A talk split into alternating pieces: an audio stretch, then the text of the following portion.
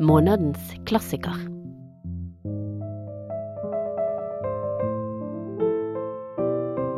En podkast fra Bergen offentlige bibliotek.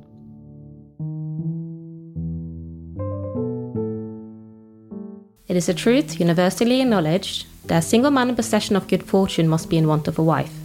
However little known the feelings or views of such a man may be on his first entering the neighborhood, this truth is fixed in the minds of the surrounding families he is considered the rightful property of someone or other of their daughters. Jane Austen er kjent verden rundt for en fornøyelig litterær skarphet, en brutal, men treffende ironi og mesterlige beskrivelser av sosiale miljø. I Stolthet og fordom møter vi Bennett-familien, med fem søstre som Mrs. Bennett, moren i familien, er veldig ivrig etter å gifte bort. Når den velstående ungkaren Mr. Bingley flytter til området, blir det stor ståhei. Han har med seg sin enda rikere og tilsynelatende arrogante venn Mr. Darcy.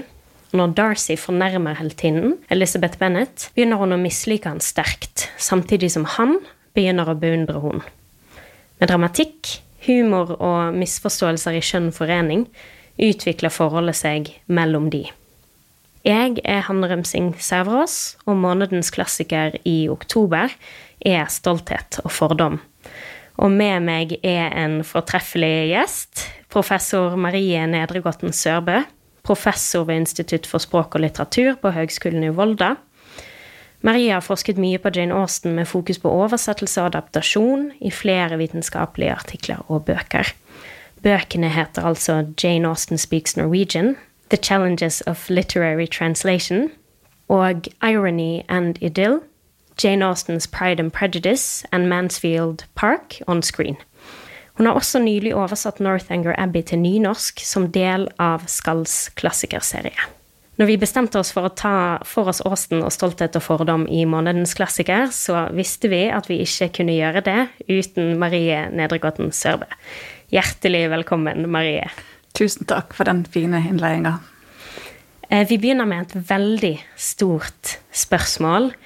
Mange kjenner til Austen, men hvem var Jane Austen? Kan du fortelle oss litt om oppveksten og biografien i korte trekk? Ja, mange tror kanskje at Jane Austen var av rikfolk og voksen opp på en slik herregård som vi ser i filmene bortskjemt og privilegert dame som kunne ha skriving som hobby. Men om vi tror det, så tar vi grundig feil. Jane Austen var født i 1775, døde i 1817, så hun vokste opp i 1780-åra i en barnerik prestefamilie i Hampshire i England, som nest yngst av åtte søsken. Faren, som var prest, eh, spedde på inntekter med å gi privatundervisning i heimen, og Austen sin barndom må ha vært fylt av liv og leven, med seks brødre, ei søster, i tillegg til en del gutter som var private elever hos dem. Jane Austen var aldri rik, hun hadde faktisk aldri noen egen eiendom eller heim engang. Og hele livet var hun avhengig av brødene for penger til mat og hus. Derfor satte hun pris på de få honorarene hun fikk på slutten av karrieren, de aller siste leveårene, da bøkene kom. Så ikke rik, men hun kjente til overklasselivet fra avstand. Og det nærmeste hun kom, var broren, Edward, som ble adoptert inn i overklassen. Og hun besøkte han og familien på det store godset han hadde i Kent. Og Janes rolle var den fattige tanta. Mm. Hun kom og hjalp til med småbarna hun og søstera. Og huset hun bodde i de siste åra av livet, var et vanlig landsbyhus i landsbyen Chawton eh, sør for London.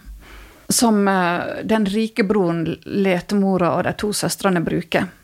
Og det var like utafor gjerdet fra sommergodset hans i Chawton. Altså, hun var alltid bokstavelig talt på utsida av de privilegerte.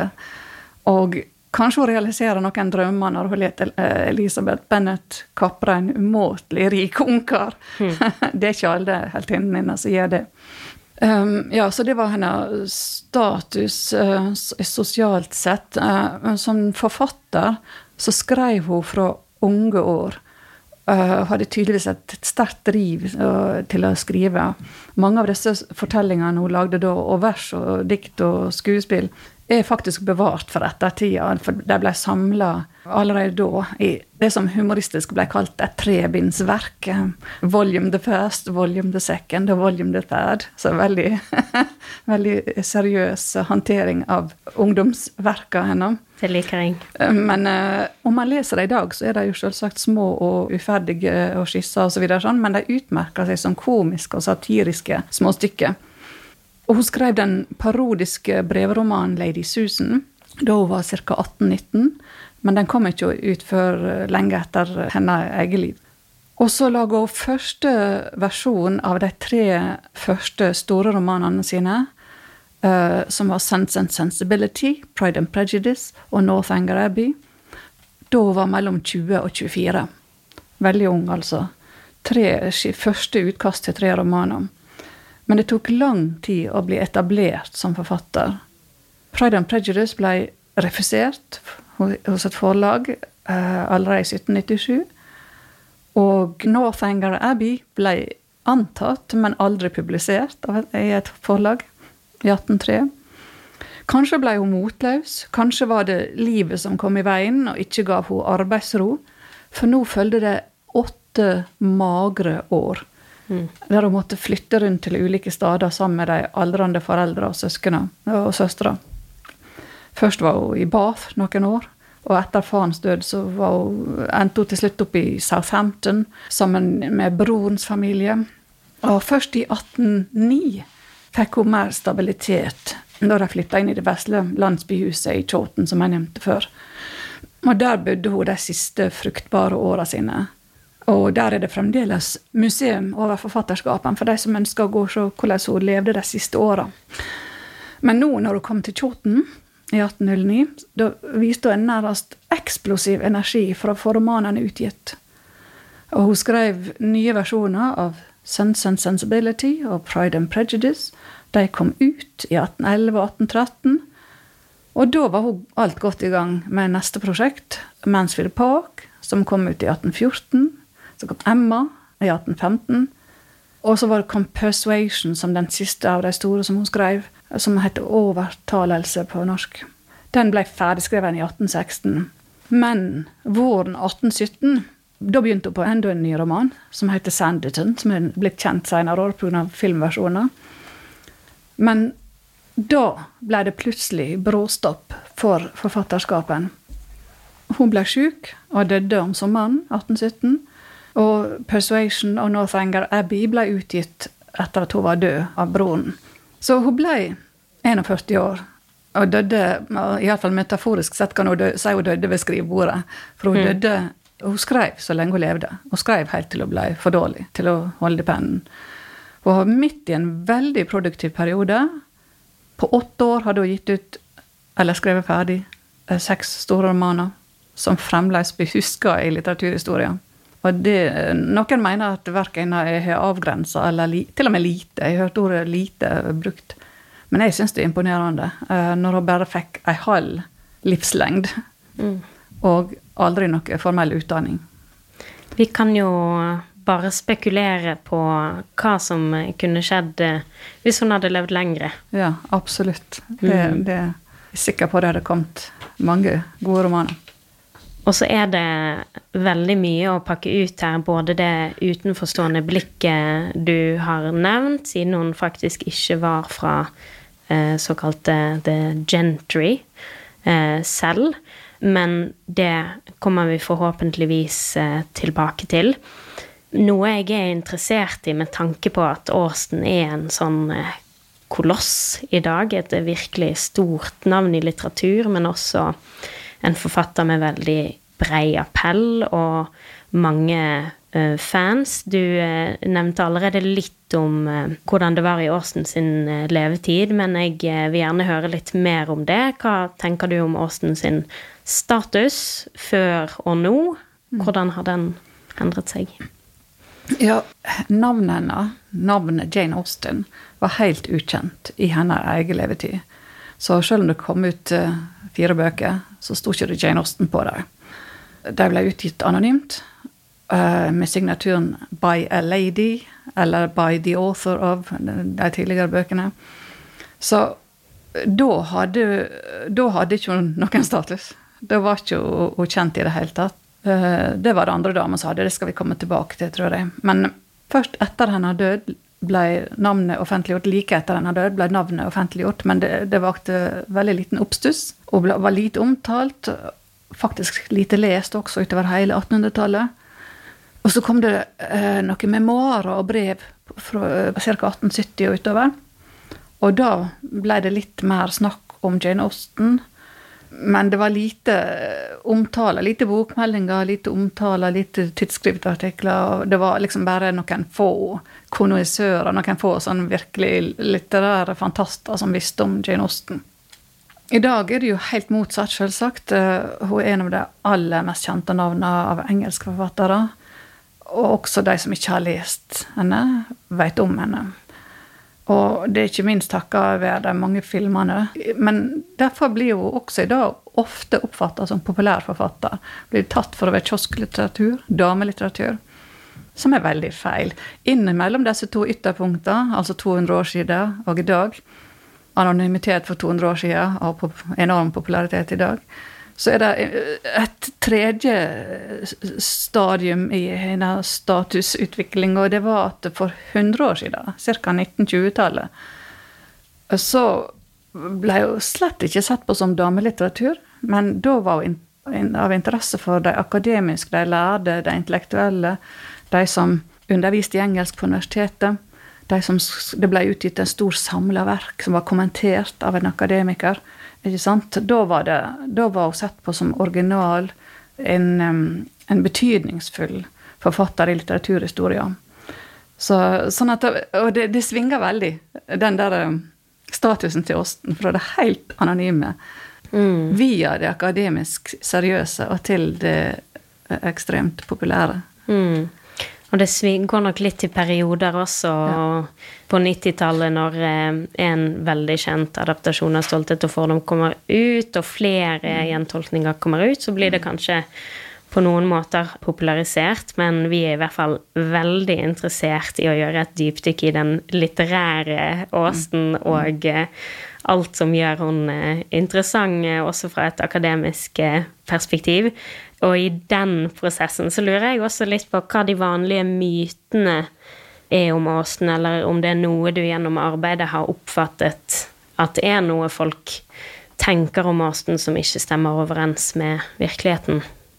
Ja, altså fordi at hennes navn nå står på plakaten til så mange filmer som blir kalt romantisk komedie, så for, tenker man automatisk at Åsten var forfatter av romantisk komedie. Og det er ikke korrekt. Og det er vel noe som vi sikkert vil snakke mye om denne timen her. Men hun brukte ikke den sjangeren sjøl. Um, så det er den ene liten tingen vi må problematisere. Den andre er um, kanskje hva tid hun hører til i. F.eks. at folk vet at hun er en gammel forfatter.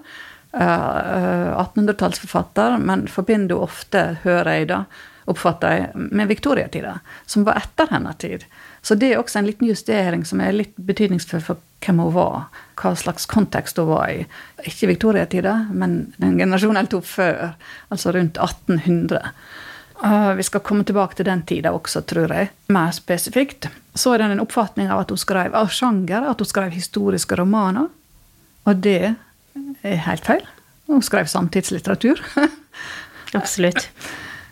Så er det en myte at, eh, at hun var Jeg var inne på det, at hun var liten. At verket og livet var, livet var kort, det var det jo, men at verket var lite og avgrensa. Det er også i stor grad en myte. Altså, det blir ofte gjentatt og gjentatt at hun var, eh, hadde avgrensa verk. Men livet hennes, eksempel, var ikke det var mer geografisk spredd enn Shakespeare sitt liv, f.eks. Du, du hører aldri han omtalt som avgrensa, ikke sant? Avgrensa liv. Avgrensa og til og med kjedelig er et ord som blir brukt. Ja vel, ja vel. Jeg kan jo ikke tenke meg noe mindre kjedelig enn å skrive så Nei, flotte romaner. Det er helt enig. Og det er slett ikke avgrensa å skrive seks romaner på åtte år. Men, um, men hun valgte absolutt å være mer avgrensa i stoff, og ikke minst i omfang, sidetall, rett og slett enn mange andre forfattere på hennes tid. Så hun arbeider disiplinert med å kutte ned det overflødige, stramme opp fortellinga. Så første versjonen var ikke nødvendigvis bra nok.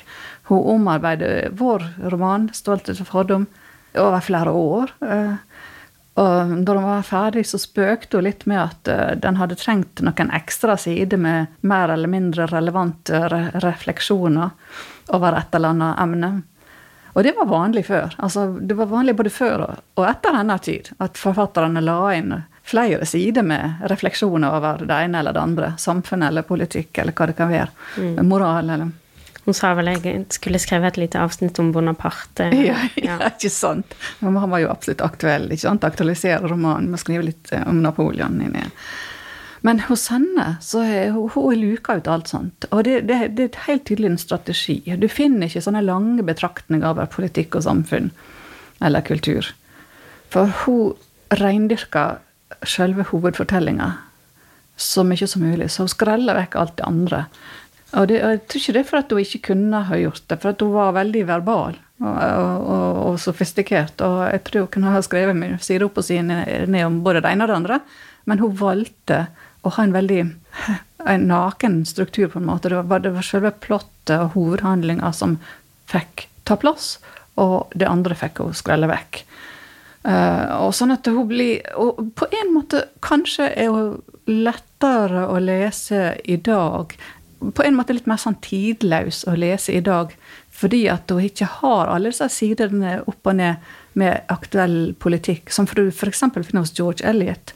Der finner masse politikk fra akkurat den tida. Og da blir det litt vanskelig for oss i dag å følge med. Jane Austen skreller vekk mye av det tidfesta, det tidsprega, og så lagde hun fortellingene sine tidløse i utgangspunktet. Mm, veldig interessant.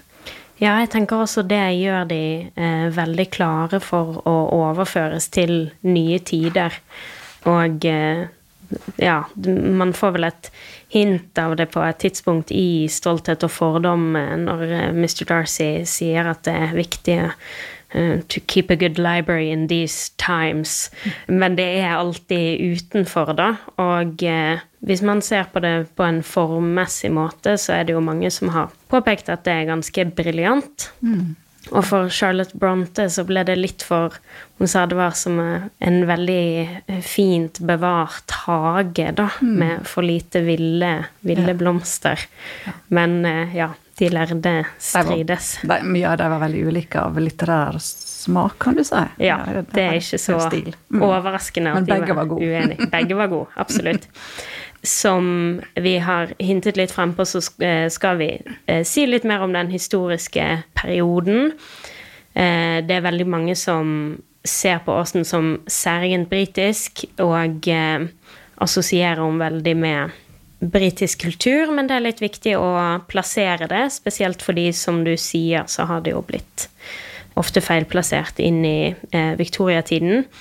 Så hva er den historiske perioden vi befinner oss i, og hvilke andre forfattere er det vi kjenner til fra denne perioden? Mm, artig, ja.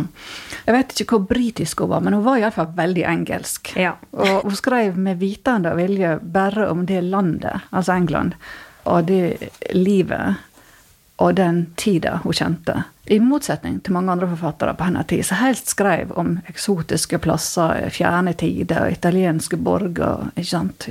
Tida er like etter 18, altså tida hun var voksen og skrev, like etter 1800. Uh, eh, blir kalla The Regency, regenttida, fordi uh, prinsregenten styrte i stedet for kongen, som var George den tredje, og som var lei av periodisk sinnssykdom. Sånn at i de verste periodene så var det prinsregenten som styrte. Det var ei ustabil tid, ikke, kanskje pga. det, men også, ikke minst pga. napoleonskrigene, som prega livet i England og Frankrike og på kontinentet fram til de sigra over Napoleon i 1815. Så du kan si mye av Jane Austens liv, voksne liv Det aller meste av det var prega av napoleonskrigene. Uh, en ser ekko av disse i romanene. For i 'Stolthet og fordom' så dukker det opp soldater plutselig i små landsbyer ikke sant? så dukker det opp soldater, og rett nok går de på ball og virker ganske avslappa. Og sånn. Men også senere romanen skal de til Brighton og, ikke sant, og stasjoneres der. Og, så du ser troppeforflyttinger, og du ser uniform, ikke minst, for en stor rolle i romanen. Altså liksom, det visuelle inntrykket av uniform. Det er jo soldatene, det er jo krigerne, som kommer helt inn, på, inn i stuen til deg. Mm. Ja. Så sosialt sett så er det, det er en urolig tid, men det er også sosialt sett en tid der det strenge klassesamfunnet er under gradvis oppmyking, kanskje. En ser det i ettertid iallfall, at det er en viss oppmyking. Ikke minst ser vi at det nye, det som senere er blitt kalt middelklassen, vokser fram på vei opp og begynner å ta over, også i Jane Austen sine romaner. Det er veldig interessant. Og, Jane Austen sjøl var jo, var jo prestedatter og, og, hørte til middelklassen. Um, og sympatiserte middelklassen i romanene sine, kan du si. Du ser på en måte Det skal håper jeg vi får tid til å komme tilbake til også, liksom spor av det i stolthet og fordom. Mm. Så på mange måter så er det ei brytningstid og ei utrygg tid det er så langt samfunn og politikk. Men skal vi si litt om litteraturen i den tida også? Spurte du om det også? Veldig gjerne. Ja. Mm. ja. Det er en interessant tid også for litteraturen. For, for på den ene sida så har du, Hvis du går til de tradisjonelle litteraturhistoriene, så finner du dette er tida for de store, såkalt store romantiske poetene. Og da, da var det Wordsworth og Coleridge og Shelley og Keats og den veldig berykta Byron. Eh, som var store Noen av dem var store da, og alle er blitt store i ettertid. Og det var kvinnelige poeter som blomstra, og som var, faktisk var inspiratorer for disse store mennene. Det var uh, kvinner som Felicia Hemans og Joanna Bailey og Anna Letitia Barbeau, som skrev romantisk poesi, og flere andre. Charlotte Smith. Og uh, Så det var en tid for romantisk poesi tida har blitt kalt romantikken, til og med, i England, eh, pga. det. Pga. at de var så fascinert av romantisk poesi.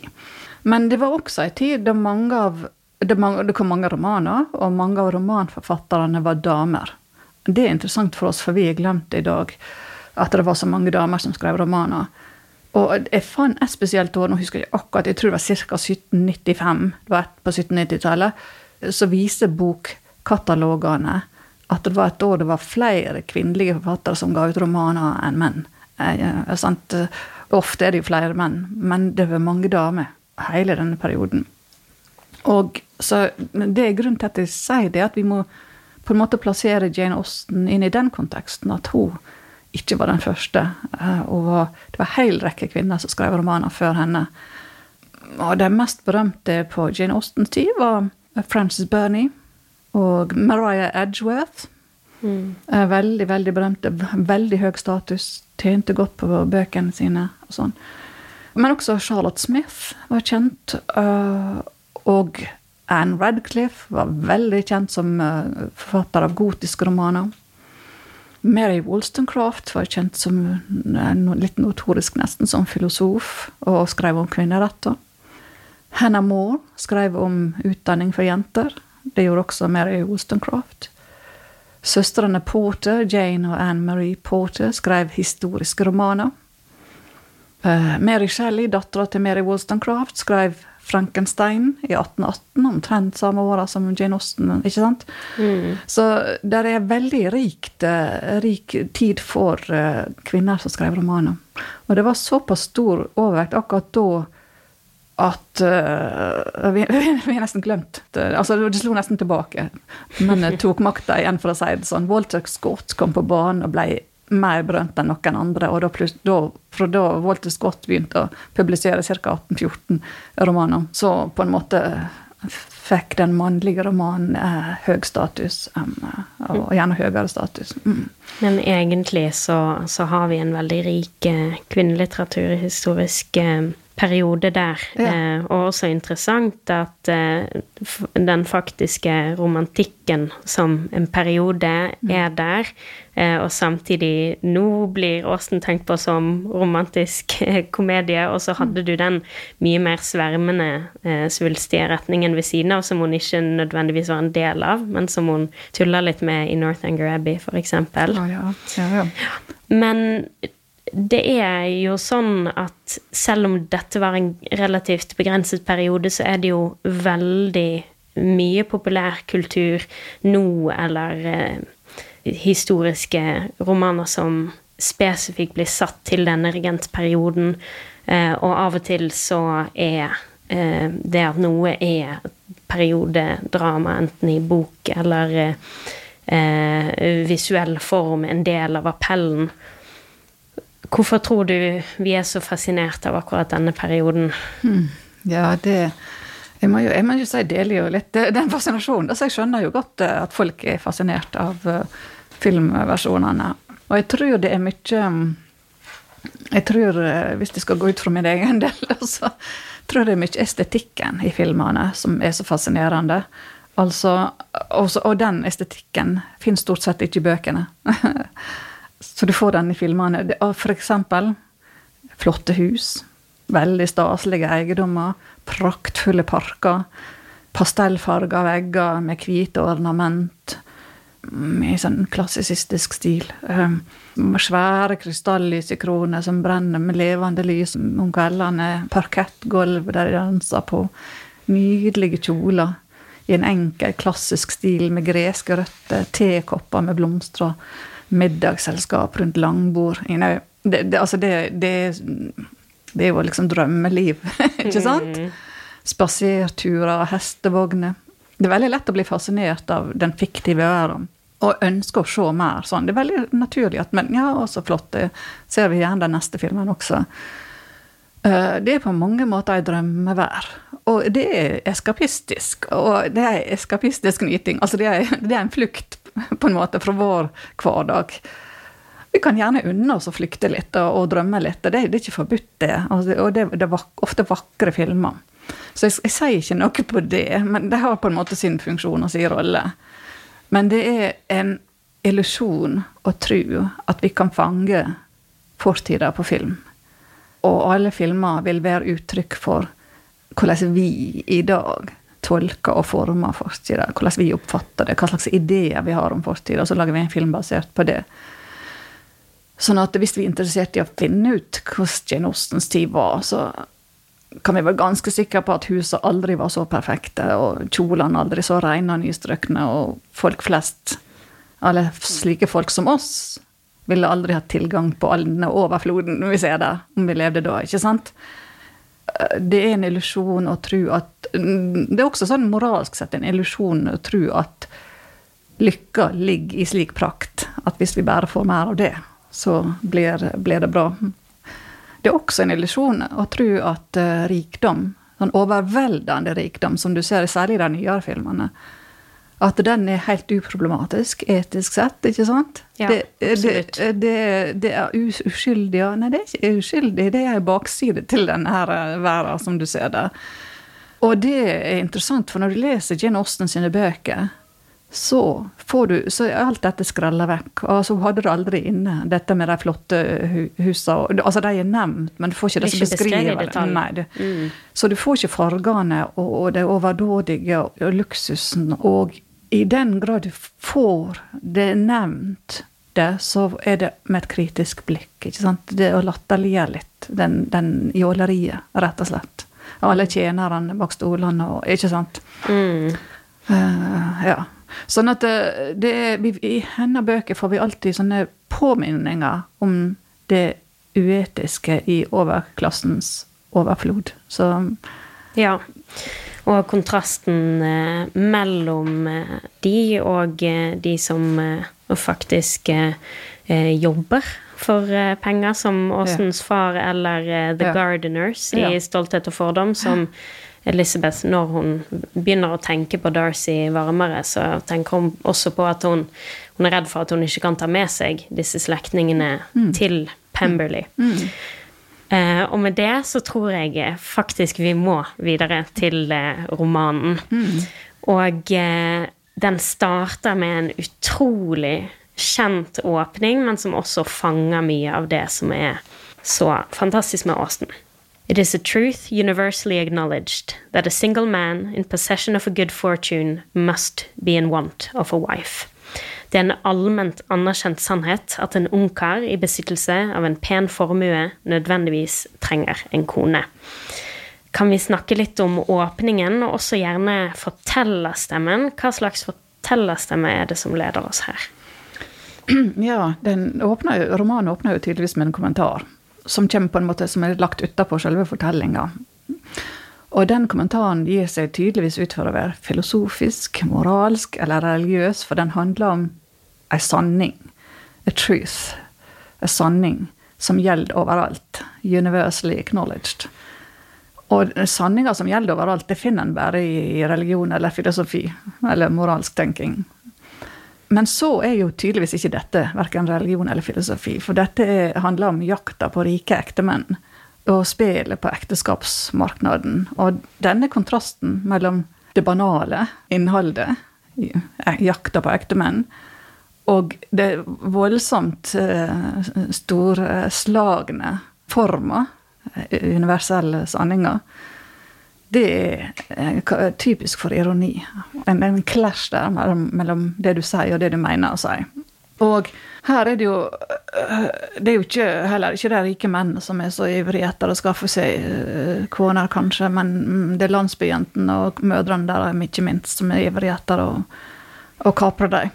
Og, og, denne, denne ironien åpner boka Altså det første setning i boka. altså Boka åpner med en ironisk setning, og de, den blir typisk for øh, Det er ikke så mange sånne kommentarer i boka, men denne ironiske holdninga er typisk for boka. Den, den gjennomsyrer hele romanen.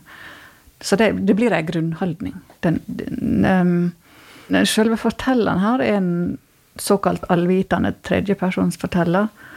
Som da i prinsippet kan avsløre alt alle, kjenne folk sine innerste hemmeligheter, kan fortelle oss alt.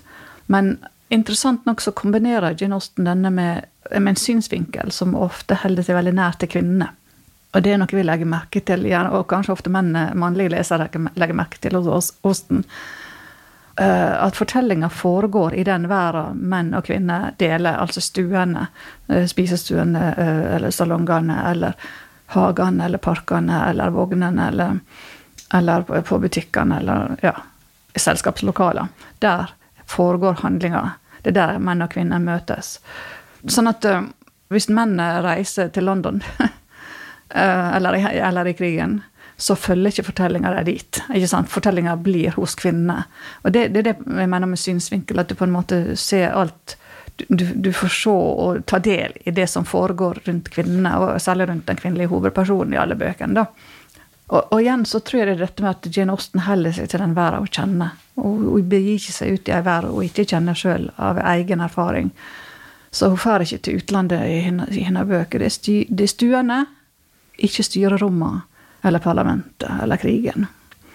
Eh, så hvis, de, hvis dette er avgrensa, så ja, det er avgrensa, men det er avgrensa på den måten alle kvinner var avgrensa i den tid, til de rommene.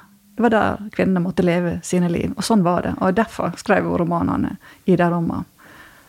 Mm, det syns jeg også gjør de veldig fascinerende som historiske ja. tekster også. Ja. Mm.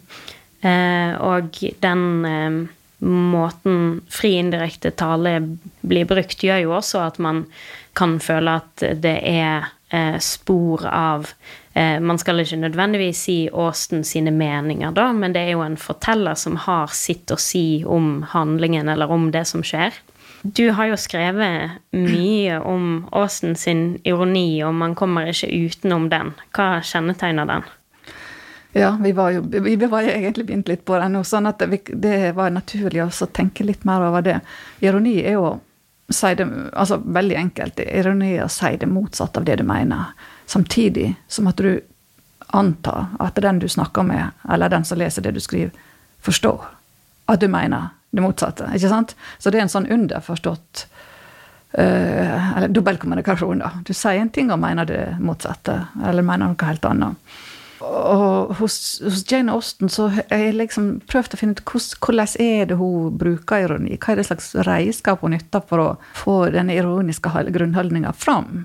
Og da nevnte du en av de, fri indirekte tale, som er veldig viktig. fordi at øh, det er at selv om du forteller om dem i tredje person, altså du omtaler alle, Elisabeth og Mr. Darcy og Mr. Collins, og omtaler dem i tredje person, så holder hun seg veldig nær til deres, til og med ord og tanker.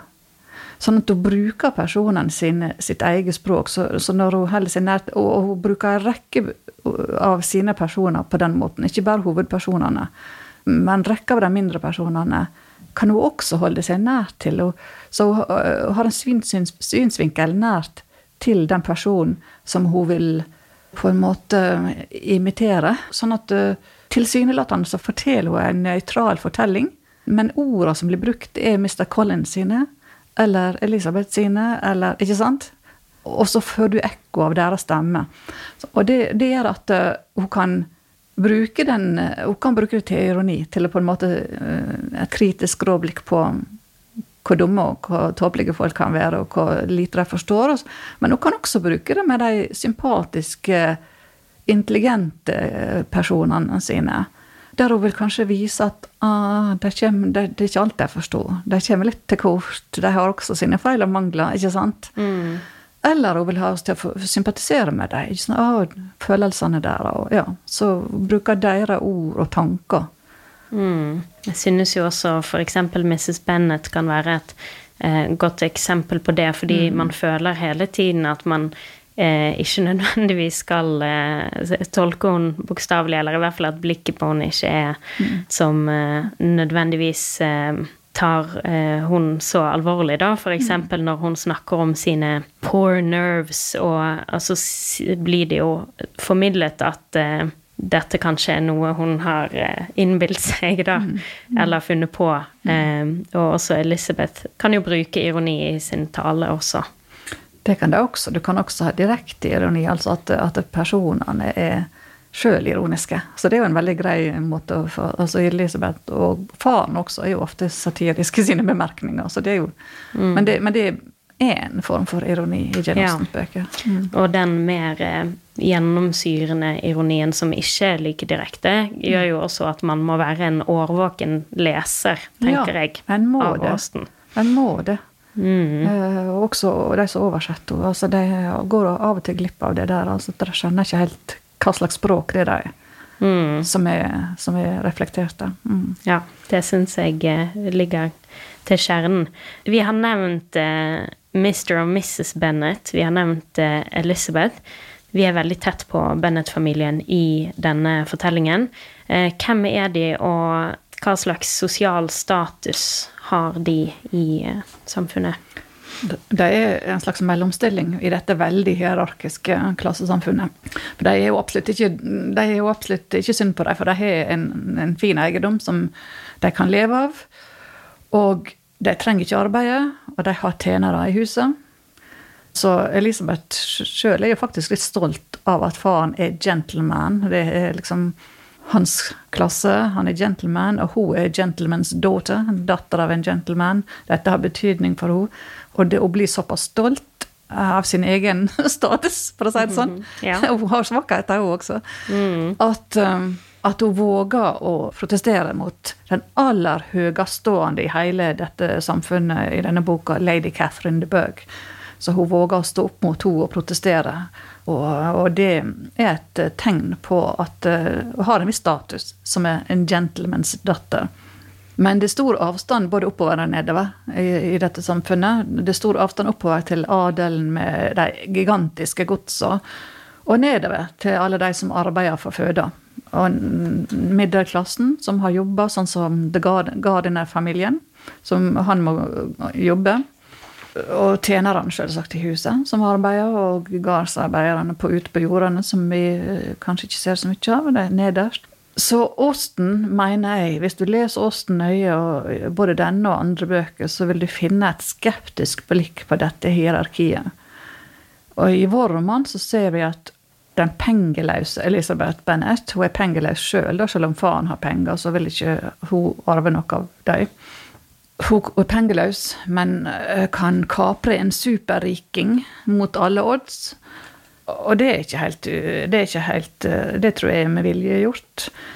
Og, og ikke minst ser vi at middelklassefamilien, Gardiner-familien, er en av de beste. Altså, Gardiner har det beste ekteskapet i, mm. i romanen. Alle de andre er mer eller mindre snåle. Ja, altså, selvsagt ikke Dars og Elisabeth til slutt, men De reiser, de, de hjelper eh, familien sin, de er ja. flotte folk. Ja, og, de, ja, og gode venner for våre hovedpersoner. Så, så, i slutten av romanen så ser du at de får en veldig stor rolle som de beste vennene Gardeners. Altså de, mm. de som blir forakta for å være arbeidere. Arbeidende, ikke arbeidere, men arbeidende. Ja, de blir så, invitert til Pemberley til jul, blant ja, annet, helt til slutt. Ja, ja, ja. Så, men i, i, den siste romanen, 'Persuasion', altså overtalelse, det gikk Jane Austen enda lenger i å, å på en måte forakte overklassen og de øverste klassene, og erstatte den med middelklassen, kan du si. Så, men du ser det tydelig her i vår bok også. Mm. Så både, både sir Lucas og lady Catherine er eksempel på snobbete overklassefolk, og Mr. Collins er eksempel på ja. De som uh, prøver å innsmigre seg. Ja, innsmigre seg hos deg. Mm. Um, ja, det er både lady Catherine um, eh, Spesielt lady Catherine viser jo et kritisk blikk på overklassen, men Mr. Darcy må også tjene sin gunst. Han blir ikke akseptert eh, i lokalsamfunnet bare for å være rik, når de har et inntrykk av han mm. eh, som eh, stolt og eh, uomgjengelig. Og eh, vi må jo selvfølgelig da gå videre til dette kjærlighetsplottet mellom Elizabeth Bennet og Darcy, for det er jo en, det er en veldig eh, Et høyt elsket par. En berømt bok om de to, da, i tillegg til eh, alt dette andre. Men hele det forløpet er jo preget av eh, misforståelser. Og faktisk så het jo et tidlig manuskript som ble sirkulert blant Jane Austens nære, 'First Impressions'. Og det sier jo ganske mye. Og da tenker jeg spesifikt på et ball som foregår eh, like etter at eh, Mr. Darcy har kommet til området med Mr. Bingley. Og der overhører Elizabeth noe som skal ha en påvirkning kanskje på inntrykket av Darcy etter det. Hva er det som skjer der? Ja, Elisabeth overhører, uh, uten at Darcy vet det, selvsagt, at Darcy forteller sin kamerat at han absolutt ikke har lyst til å danse med noen som helst. Og Slett ikke med Elisabeth, som han tror sitter sitter på stolen for at hun ikke har uh, sjanse hos andre menn. ikke sant? Så han mm. misforstår hele situasjonen. Og dessverre så hører jo Elisabeth hva han sier, da, at, at, han ikke vil danse med henne. Som er egentlig er jo et ja, uvanlig ting. altså det var jo, Konversjonen var jo at du dansa med hverandre. Det var ikke noe du, du vurderte om du ville danse eller ikke. Ble du bydd opp, så dansa du, på en måte. Det var Alle dansa med alle. ikke sant? Det var det mm. som var offentlige ball, liksom. Så det var en veldig sterk avvisning. Men altså First Impression, som denne boka altså denne Pride and Prejudice heter First Impressions, og det er egentlig god tittel fordi at um, Elisabeth og Darcy får helt feil inntrykk av hverandre fra starten av. Så det, og, av, av, litt sånn uheldige omstendigheter så får de feil inntrykk. Og Darcy tror nok Elisabeth er en sånn typisk landsbyjente som er på jakt etter rike menn, for han har sikkert sett flere av dem flagrende rundt. Uh, og, og, ikke minst han, som alle vet er veldig rik. Så han, det ville være som um, flugepapir ikke sant, for alle damene som ja. Men uh, Så han har feilinntrykk. Elisabeth tror at Darcy er frekk og arrogant, siden han, i motsetning til nesten alle andre, ikke vil danse når han er på ball. og ikke vil danse med henne spesifikt for at hun sitter der og er, ja, og er liksom veggepryd. Kriminelt. Og det, det tar de månedsvis i boka å på en måte komme over denne starten og få bedre forståing av hverandre. Og det tar dramatiske hendinger å bli kvitt disse fordommene som de begge har uh, mot hverandre. Og begge er veldig stolte. Altså Før i tida var det noen som sa at den ene altså den boka heter 'Stolthet og fordom' fordi at den ene var stolt og den andre var fordomsfull. Men det tror jeg får, får problemer å si hvem som var hva, fordi at mm. begge er veldig stolte og begge er veldig fordomsfulle. Uh, begge veldig for så vidt klassestolte, på en måte. Sånn uh, familiestolte og litt sånn De lar ikke seg by hva som helst, liksom. De går sine egne veier. Litt sånn selvstendige mennesker, begge to. Og det er kanskje det som etter hvert kommer til å tiltrekke dem til hverandre også. Det at de er litt like. Men det vet ikke de her i starten. Mm. Men, men, men veldig, veldig, artig at hun på en måte lager en bok over fordommer. Altså hvor store konsekvenser fordommer får. Og ikke minst hvor vanlig det er at vi ofte får fordommer mot hverandre uten å være klar over det. Vi tror ikke vi har fordommer, men vi tror vi har rett inntrykk. Vi stoler helt på vårt eget inntrykk mm. av denne mannen eller den dama. Men så oppdaga vi seinere at det var helt feil. Eller iallfall litt feil. ja, og så blir, eh, blir, det som følger litt eh, selvoppfyllende. Hun er veldig klar eh, for å tro på at han er en umoralsk skurk som har mm. Mm. trykket ned de som er mindre privilegerte enn seg selv. Og så viser det seg jo selvfølgelig at det er en forklaring på det meste. To her utter amazement She saw Mr. Darcy walk into the room. He sat down a few moments and then getting up walked about the room. Elizabeth was surprised, but said not a word. After a silence of several minutes, he came towards her in an agitated manner and thus began. In vain I've struggled, it will not do. My feelings will not be repressed. You must allow me to tell you how ardently I admire and love you. Elizabeth's astonishment was beyond expression. She stared coloured, doubted, and was silent. This he considered sufficient encouragement, and the avowal of all that he felt and had long felt for her immediately followed. He spoke well, but there were feelings besides those of the heart to be detailed, and he was no more eloquent on the subject of tenderness than of pride. His sense of her inferiority and of its being a derogation of the family obstacles which judgment had always opposed to the inclination but dwelt on with a warmth which seemed due to the consequences he was wounding, but was very unlikely to recommend his suit. Og jeg synes jo det er en skikkelig um, fantastisk eh, scene når Mr. Darcy frir til Elizabeth. Og hun sier nei. Og dette er jo da en mann som har 10 000 pund i året det er mye penger. Eh, og det er mm. også noe interessant med Austin, at hun eh, nevner ofte hvor mye penger eh, folk har. Mm. Veldig direkte. Men Elizabeth endrer veldig gradvis mening, og ja, de finner hverandre.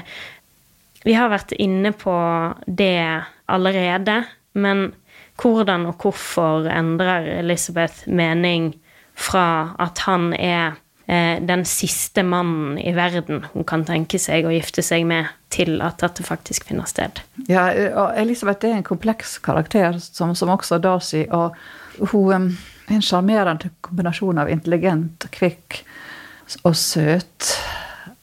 Uh, men hun er ikke ufeilbarlig. Og det at Elisabeth ikke er ufeilbarlig, blir på en måte et sånt turning point. Et sånn et, en, et vendepunkt i romanen. Et, et, et viktig skille, et vannskille i romanen. Og det kom jo da, når han frir til henne første gang. Uh, begynner, begynner det iallfall. Uh, fordi at hun oppdaga i hans lange brev at hun har tatt helt feil av mennene i sitt liv. Og, og altså og dette er eh, påfallende, for hun er som sagt ei intelligent, kvikk dame. Den, den, den, personen i boka vi liker best og har mest tiltro til, på en måte. Den vi identifiserer oss mest med. Og så ser hun da et stykke ut i boka, i dette kapitlet med frieriet og etterpå, at hun har tatt helt feil. Og må snu fullstendig om på sin omfatning av hva som er hva, og hvem som er hvem, og hva som er hva. For hun har hatt hvis jeg sier det litt grovt, hun har hatt tre menn hun har, som hun har flørta med. Eller som hun eller som, Jo da. og, ikke sant? Og, og, og, har hatt helt tillit til Wickham. Og hun har hatt stor sympati for Kenneth Fitzwilliam, selv om det er sånn liten sånn spasertur i skogen og sånn. Og han gjør det klart at han ikke Og han, han ja. må gifte seg med noen rik dame. Mm. Og så er hun sterkt bestemt på at eh, Darcy er den siste hun kunne tenke seg å gifte seg med, og det sier hun jo også til han, beint ut, ikke sant? Stor fornærming til han som tror at han eh, har alt å tilby. Men så får hun det, det sjokket i sitt liv når hun da får, den forklaringa i brevet der, dagen etterpå der alt blir snødd om. Og Wickham ikke er den hun trodde han var, og Darcy ikke er den hun trodde han var, og den som hun hadde fordommer mot, var den som hadde rett, og den som hun hadde tiltro til, var den som tok feil. Altså, det er totalt omsnøing av din egne sjøloppfatning av deg sjøl. Ikke bare av at du må snu på hva du mener om andre, men du, du må innse at du tar feil. Det er sjokkerende for Elisabeth Bennett å innse at hun tar grundig feil av andre mennesker. Og hun er faktisk den mest intelligente i boka. ikke sant? En av dem. Sånn at det er et grunnleggende tema for tjenesten dette at alle kan ta feil, og kan ta grundig og katastrofalt feil av andre mennesker. Så det er på en måte et sånn gjengående tema hos Osten som, du, som her blir sånn vendepunkt i romanen. Og så når hun kommer til Pemberley og ser, får mer inntrykk av mannen og familien og hus og sånn, så får hun jo enda mer innsyn i hvor annerledes han er enn det hun har trodd hele tida. Helt annet menneske, rett og slett. Mm. Så det er en sånn eksistensiell kriseoppleving for Elisabeth, som, som, blir vendepunkt i boka. Ja, og begge opplever en, en slags forvandling, eller begge eh, får litt mer selvinnsikt. Darcy innrømmer at han har blitt mer bevisst på sine klasseprivilegier, eller han kaller seg selv bortskjemt, eh, mm. blant annet. Men det er et annet eh, tema også, som vi blant annet kommer inn på i det at hun eh, avviser han, nemlig hvordan Austen maler frem ulike kvinner sine muligheter. For det er jo eh, ikke første, det første frieriet hun avviser. Hun avviser også Mr. Collins. Elizabeth sier hun vil gifte seg for kjærlighet, men ikke bare kjærlighet heller. Og så har vi Charlotte Lucas, eh, som for meg eh, blir mer og mer interessant hver gang eh, jeg leser eh, 'Stolthet og fordom'. Og eh, Jane Lydia flere andre karakterer. Eh, hva tenker du romanen forteller oss om kvinner sine muligheter eller begrensninger når den ble skrevet? Ja, det er veldig interessante døme du nevner der. Ikke minst eh, Charlotte. Mm. Eh, Vi har jo ikke fått snakket så mye om Nei. Mr. Collins, men det er viktig å spesifisere at han er ikke en man vil gifte seg med av kjærlighet. Charlotte står jo der som et slående og gripende eksempel på kvinners avgrensa muligheter på Jane Austens tid. For hun er um, ca. 27, ikke det hun er, og um, ugift og av en, en, bra familie og har mat og hus der hun er. Men vil jo veldig snart være for gammelt, og foreldre vil dø, og hun vil være på bar bakke og vil være måtte avhengig av sine egne brødre. Å være tante i hus hos sine egne brødre hvis hun helt tatt skal ha mat. For ingen har fridd til henne ennå. Så når hun sier ja til den tåpelige Mr. Collins, som hun er tredje kandidat for på tre dager omtrent Altså, han ville først fri til Jane, så fridde han til Elisabeth, og så frir han til Charlotte. Og ingen andre enn han sjøl tror på hans frieri, for å si det sånn, hans erklæringer. Sånn at når hun da, som er intelligent, satirisk til og med, eh, mot ekteskapet og, og, og kvinners eh, muligheter, når hun sier ja, så Elisabeth kan nesten ikke tro hva hun hører. altså, At hun kunne si ja. Men Charlotte har to muligheter. Hun kan bli forsørgd av en av sine brødre, eh, som er uønska tante i huset, resten av livet. Eller hun kan gifte seg med den som byr seg, og få et eget hus, til og med en prestegard, som er et anstendig, fint hus. Hun vil få en mann som rett nok er tåpelig, men hun kan holde den litt på avstand ute i hagen, og sånn, sånn at hun kan ha, stua for seg sjøl. Og hun vil få barn. Hun vil sikkert ønske seg barn, kan, så hun vil få barn. Familie å ta seg av. Ha noe uh, som gir livet mening. Få barn, barn og den tid kommer. Ikke sant? Sånn sett så illustrerer det at uh, til og med kyniske valg Du kan forstå dem på en måte. Det var ikke noen andre valg, ikke sant? Mm. Det var bedre enn alternativet. Mm. Så, sånn at romanene til Austen har innbygd i seg flere sånne saker eller damer som illustrerer mm. for kvinnene. Og de viser kvinner sine avgrensa rom. Det har vi litt snakka litt om. At de, de, må holde seg der på plass. De minner oss også på at kvinner ikke fikk utdanning. formell utdanning, noen få år på folkeskole i beste fall. De fokuserer særlig på hvor mangelfullt deres kompetanse var i, i, forhold til å håndtere livet. Ikke sant? Hvis du bare skulle lære litt brodering og litt pianospill, kanskje male litt, konversasjonskunst Hvis det var alt kvinner trengte å kunne, litt om barneoppdraging, og så var du der.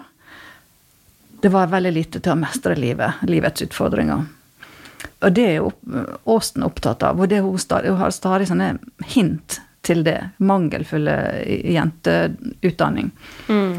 Så det er, det er en av tingene å minne oss om når det gjelder kvinnens, kvinners muligheter. Og så minner vi om arveretten.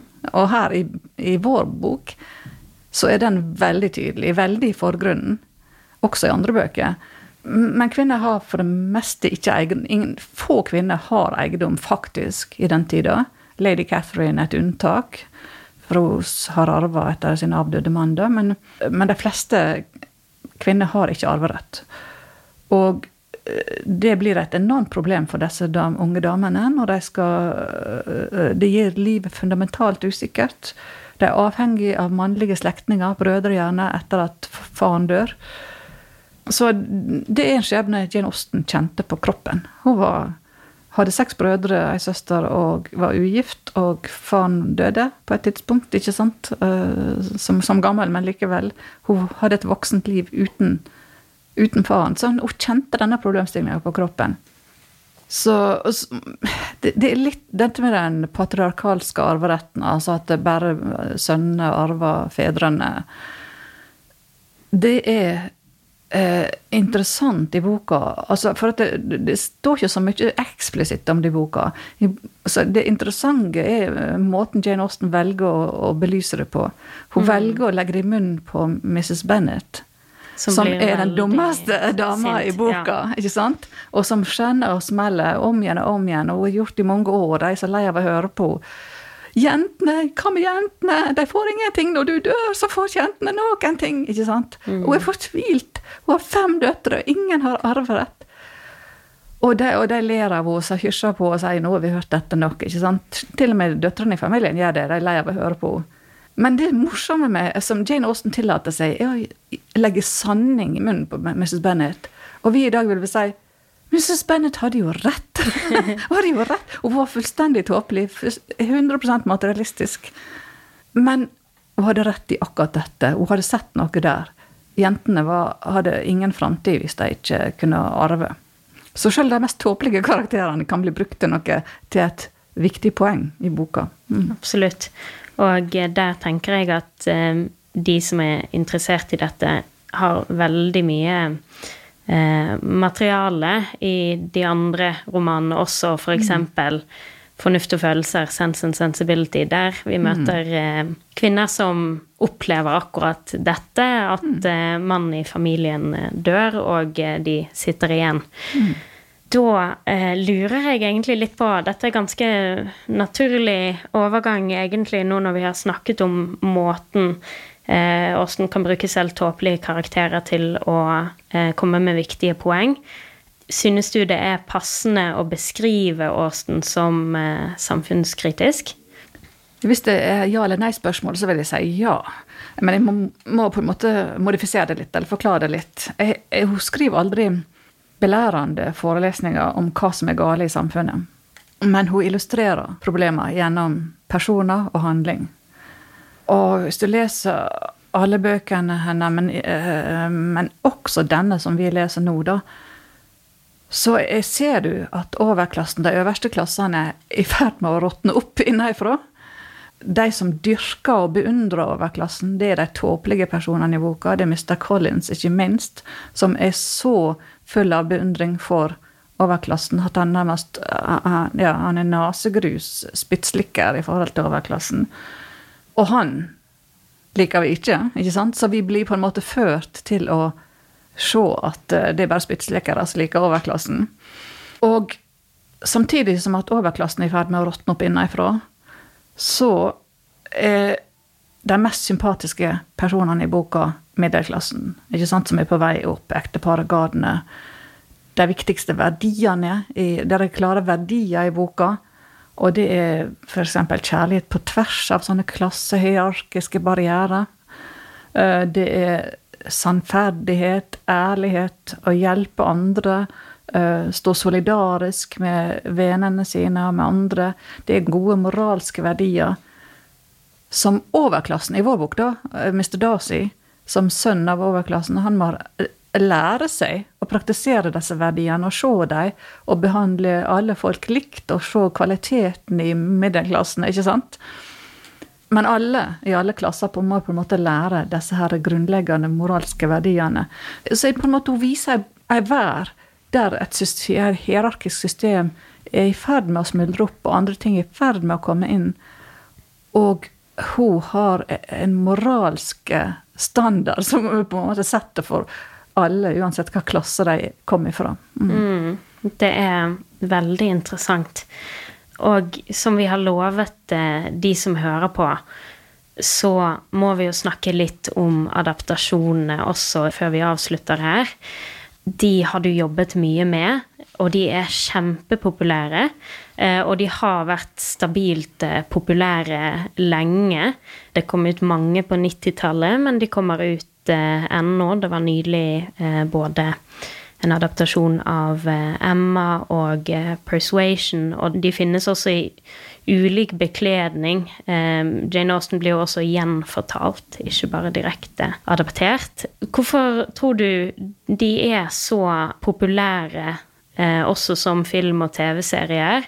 Har du noen meninger om hva som skiller de gode fra de mindre gode? Og eh, ja, fanger de Austen eh, på et vis? Og kan de også tillegge noe? Ja. Mange spørsmål her ja, i ja. Prøv å sortere. Ja.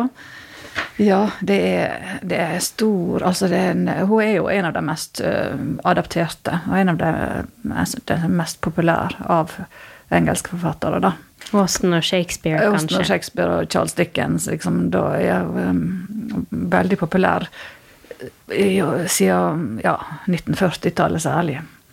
Så det er masse versjoner. Og jeg syns det er interessant å se mange ulike versjoner og sammenligne dem og se hva som, blir, hva som skjer og hvordan det blir tolka. Jeg blir veldig interessert i hvordan disse filmskaperne tolker romanen, som alltid vil være ulikt i de ulike.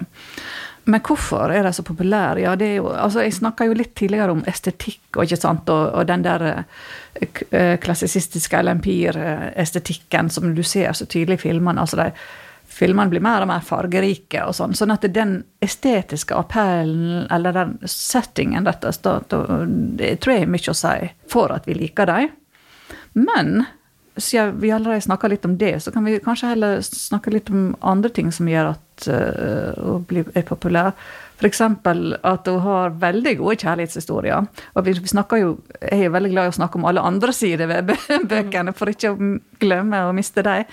Men kjærlighetshistoriene i alle bøkene er jo supert godt laga. Det er jo veldig gode plott.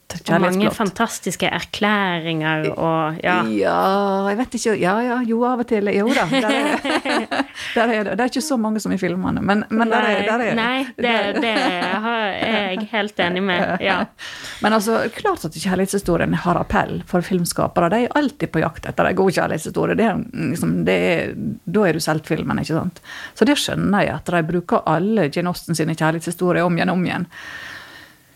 Så kanskje er hun populær for film fordi at hun kan hende kan være relativt, ikke, ikke enkel, men relativt at hun ligger til rette for å bli adaptert fordi at hun er ganske dialogisk. Altså at hun har stor vekt på dialog. Altså, det er folk som snakker sammen i bøkene. Så du ser hva folk sier til hverandre i bøkene. ikke sant? Det er det jeg mener med dialoger. Og at da kan jo du på en måte ta de dialogene og filme dem. Han får noen til å, å, å spille dem, ikke sant? Dersom du har mange kapittel med narrativ tekst, altså så bare, ikke sant, så er ikke det så lett å Da må du ha en skriverom for at det skal ikke sant, bli filmatisert. Men dialog kan jo Det er jo drama, ikke sant? Det er jo som teater, så du kan ta fram kamera og filme det, på en måte. Så sånn sett, i og med at hun er så glad i dialog, og er så glad i hvordan folk snakker sammen, det er hovedinteresse for henne, så ligger hun relativt godt til rette for film. Bedre enn flere andre forfattere. så tror jeg at hun er populær fordi personene er så levende. Jeg syns de er veldig levende. Og det gjelder både de som er intelligente og komplekse, og eh, som du ser følger gjennom hele romanen, og utviklinga av og hvordan de forandrer seg som hovedpersonene. ikke sant? De er levende. Men også de små personene. De, de som er litt dumme eller litt tåpelige, eller har liksom ett særtrekk som de ikke nesten litt sånn flate. Mary, for eksempel. Mary, som alltid har briller på nesen og alltid leser, ikke sant, eller alltid kommer med noen visdomsord, ikke sant, Moral, Mm. moralske sanninger. Ja, relativt små, men de blir levende. Sånn at det, det der er folk helt uh, fra 1800-tallet som har sammenligna Jane Austen med William Shakespeare i dette trekket, at de har så levende personer. Du kan ta de personene på en måte og, og filme der de, de nærmest springer opp fra boksidene og, og, og, springer i møte, altså som levende personligheter. Så det egner seg godt for film. Mm. Og så spurte du litt om hva, som- hva, hva som blir best. Altså, jeg, altså, det er Altså, jeg har jo litt sånn Jeg venter ikke at noen av filmene skal være den perfekte filmatiseringa av Jane Austen. Sånn at jeg vil alltid beundre en del av filmen, og så vil jeg være kritisk til noen av filmen. Er nok kanskje aller mest nærmest sånn eh, både estetisk og fortellingsmessig til de 90-tallsfilmene. Altså Pride and Prejudice i 1995-versjonen, som var en lang fjernsynsserie i fem-seks episoder, ikke sant? Høyt elsket og eh, skapte Darcy Mania. Ja, ikke sant? Sånn, det ble nesten mer Darcy enn Austin da, etterpå, etter noen år utover der. Sånn, kanskje fremdeles, jeg vet ikke. Men, men den er veldig godt laga. Vi sier ofte trufast når vi mener at han får med mye av handlinga, mange av personene i boka, men ingen er 100% trufast, og det, det kan de ikke heller være. De kan ikke greie det, rett og slett. Men jeg liker jo de som prøver å få med dialogene i boka, prøver å få med handlinga og personene i boka, og, prøve å ha den historisk korrekt setting. Og de på 90-tallet var ganske gode på det. Den er også en veldig god persuasion på 90-tallet, i samme år faktisk, 95, som er veldig, jeg synes er veldig god da. Men så liker jeg å se de nyere også, og jeg, og jeg ser det er kanskje en generasjonsting også, at, at estetikken på en måte, estetisk smak endrer seg litt, og, og man nå... Filmhistorien, ikke minst, eh, Ja, ja. og man nå liker veldig Kanskje filmer som vipper litt over mot det nesten litt sånn overkomisk. Altså veldig vekt på komedie, komiske karakterer som hopper rundt og sier vittige ting, og, og nesten sånn litt stiliserte settinger som er nesten for fargerike. Altså hvis du Litt tenker poppete. realistisk. Ja. Mm. Litt opp, oppblåst, ja. oppblåst og overdrevent. Men at det er med vilje gjort, på en måte. Så, og så er det, nyere filmer kanskje en tendens til å justere hovedpersonen litt, særlig Elisabeth Bennet blir, eller, eller, eller i andre bøker også. eh, hovedpersonen i andre bøker. Uh, justerer de litt, sånn at de blir litt mer moderne. Så plutselig så har de hår hengende langt nedover ryggen når de går ut på gata, og de kysser folk, menn på gata, og sånne ting som jeg ikke hører til i historisk kontekst i det hele tatt. ikke sant? Eller de protesterer og står opp for seg sjøl på en måte, på en veldig moderne måte. Mm. Sånn at det, det er en litt sånn tendens til å modernisere. Uh, og det er forståelig. Det er det som skjer nesten i nesten all film. Altså at du vil tolke det inn i den ramma du ser det gjennom i dag, på en måte. Ja. Og ja, og så sa du jo også at de erklæringene er mer eh, dramatiske eller viktigere i eh, filmene, og det er også mange situasjoner som blir dramatisert, og til og med overdramatisert i, i filmene, og de spiller veldig på det, som for eksempel at de jeg tror det er 2005 den er fra, eh, versjonen med Keira Knightley. Ja. Da skjer eh, Altså denne scenen vi har snakket om med frieriet, den skjer i regnet. Veldig tett på hverandre, veldig lidenskapelig. Ja. Mens i romanen så står det nærmest Darcy lente seg mot kaminhyllen, og det er ja. så dramatisk som beskrivelsen blir. Ja. Og i mange andre Regn eh, er visst noe for eh, Emma Thompson sin eh, filmatisering av eh, Fornuft og følelser, er også Ja. Marianne ute i regnet og blir reddet og blir syk. Eh, Så, så alt det er veldig overspilt, og også Noe jeg fikk eh, solgt veldig inn eh, når jeg eh, ble interessert i dette, var at eh, Mr. Darcy hopper ned i Da ble det sagt fontene, men det var jo en innsjø, og møter Elizabeth Bennet dryppende våt når hun tilfeldigvis er eh, på Pemberley. Og den situasjonen er jo allerede pinlig fordi han møter opp der, men når han i tillegg møter opp dryppende våt, så får man bare en sånn over eh, Virkelig overspilling av det som allerede ligger der. Ja, ja. ja. Men et par spørsmål eh, nå eh, på tampen her. Vi sitter her over 200 år etter denne romanen kommer ut, og i regi av månedens klassiker. Tror du den kommer til å fortsette å være like relevant som den er? Ja, det, det håper jeg. Det håper jeg, og det tror, det tror jeg egentlig også. Men det er vanskelig å si, fordi at um, smak skifter. Uh, og um, den har ikke alltid vært populær. Den var litt Den, den vakte litt, uh, litt oppsikt, eller ikke oppsikt, men litt interesse da den kom i 1813. Uh, det ble sagt tidligere også en plass at det var kanskje årets omtalte roman akkurat da. sant? Men det var ikke interesse for Jane Austen, for navnet hennes sto ikke på romanen. ikke sant? Så det var interesse for romanen, da. Så i og med at den var anonym, så ble det aldri noe skikkelig større interesse for Jane Austen da. Og den ble ikke en klassiker da. Uh, den ble nærma seg mer en klassiker 100 år seinere, sånn, da, da, hun fikk samla verk utgitt uh, med, med, kommentert utgave for universitetsbruk, på en måte, på 1920-tallet. Og da får du litt sånn klassikerstempel. ikke sant? Det var, var, faktisk den første av de engelske klassikerne som fikk sånn samla verk med kommentert utgave. Sånn at hun var på en måte en utvalgt klassiker til og med da, ca. 1920. Og så har det vært relativt stabil, ikke stabil, men det har vært interesse for å si det. Og så som sagt da, eksplosjon av interesse nå etter de filmene på 90, 80- og 90-tallet og seinere. Men vi ser jo at popularitet går i bølger. Sånn 200 år det er litt langt fram. Sånn at eh, Shakespeare var, har ikke vært populær i alle århundrer, for å si det sånn. Han, han, var ikke så veldig eh, De var ikke så veldig interessert i han på, på utover 1600- og 1700-tallet. Sånn. Så måtte, det måtte en oppvåkning til før han ble stor klassiker også.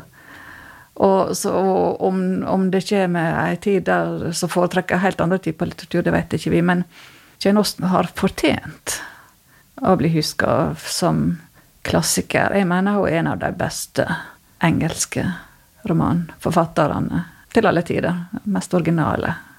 Det er jeg veldig tilbøyelig til å være enig med. Hva bør de som nå eh, har blitt bergtatt av Åsen, lese videre? Har du en personlig favoritt?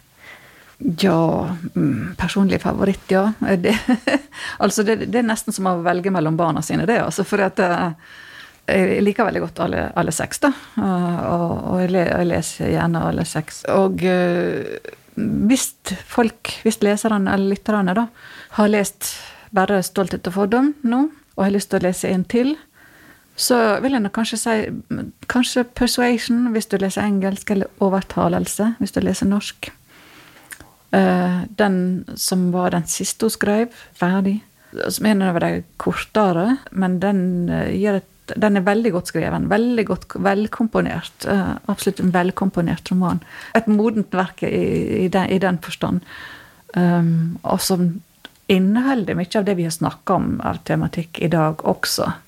Med både klassekritikk og kvinnetilhøve og sånne ting. Ja. Kjærlighetsforhold kjempeflott kjærlighetshistorie i Persuasion. Ja. Persuasion, eh, eller overtalelse, er også min favoritt, så da skal jeg ikke si noe mer. Tusen takk til eh, deg, Marie. Tusen takk for at jeg fikk lov å komme. You are too generous to trifle with me. If your feelings are still what they were last April, tell me so at once. My affections and wishes are unchanged, but one word from you will silence me on the subject forever. Elizabeth, feeling all the more than common awkwardness and anxiety of the situation, now forced herself to speak, and immediately, though not very fluently, gave him to understand that her sentiments had undergone so material a change as to make her receive with gratitude and pleasure his present assurances. The happiness which this reply produced was such as he had probably never felt before, and he expressed himself on the occasion as sensibly and warmly as a man so violently in love can be supposed to do.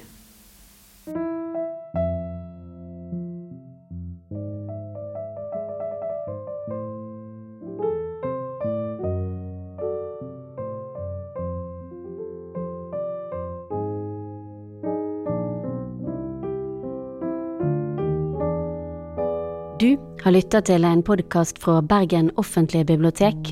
Du finner flere podkaster fra oss på våre nettsider bergenbibliotek.no, eller der du lytter til podkast.